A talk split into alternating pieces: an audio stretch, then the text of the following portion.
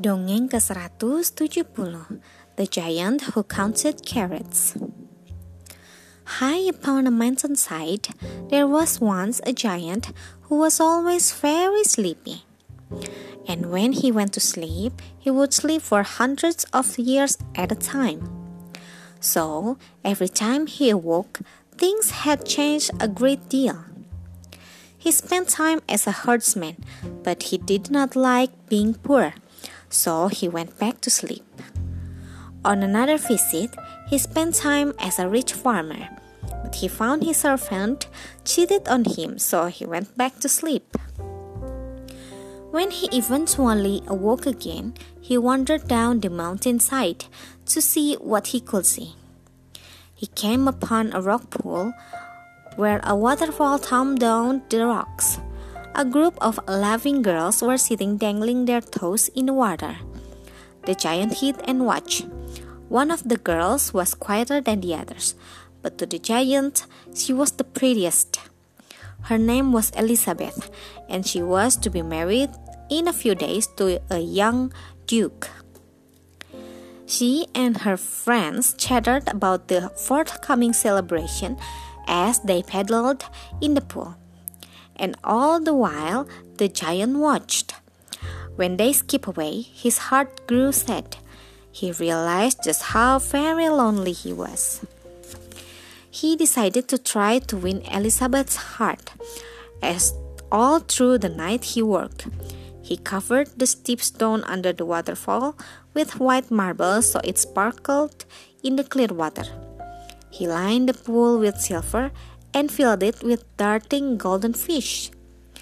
He covered the banks with rich green grass planted with sweetly smelling violets and forget me nots and deep blue hyacinth. Then he hid himself again. When the girls arrived, they were astonished, but Elizabeth looked thoughtful. She knew that some powerful enchantment had been at work. She wandered to the edge and looked deep into the silver pool, full of the golden fish. And as she looked, she heard a voice, whispering, whispering to her to step into the pool.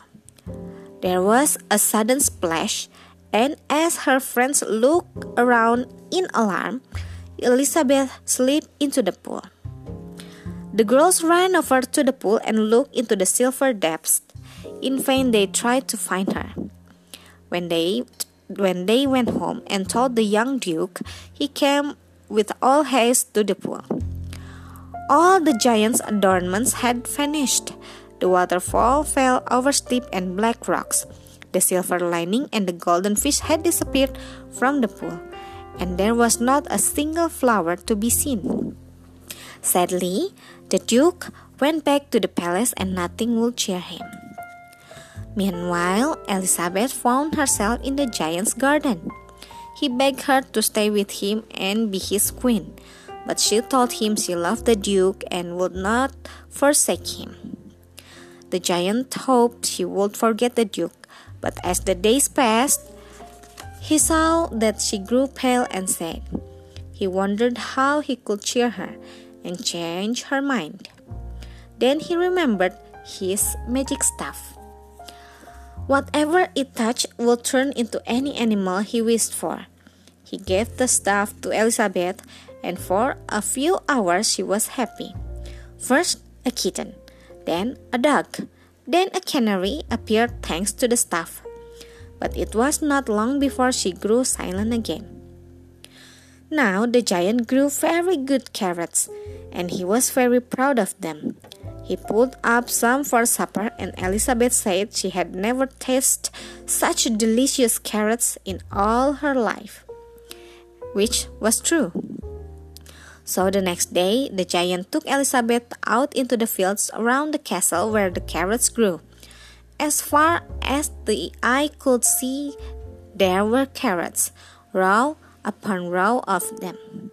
Elizabeth asked the giant how many there were, but he couldn't tell her that at all.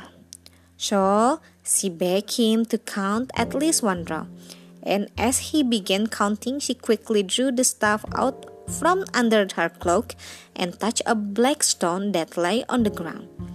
It turned into a black horse with great hoofs that pounded the earth as Elizabeth mounted its back and fled down the valley away from the giant.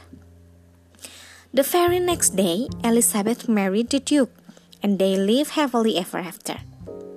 The lonely giant went slowly back to his garden and fell into a deep sleep. Many hundred of years passed, and still the giant never awoke. In time, grass and plants and trees grow over the slumbering giant, and still he slept on. Over the years, the mound that was the sleeping giant became known as Giant Mountain, and so it is still called today. So beware, if you see great rows of carrots on the mountainside, you might be very near a sleeping giant.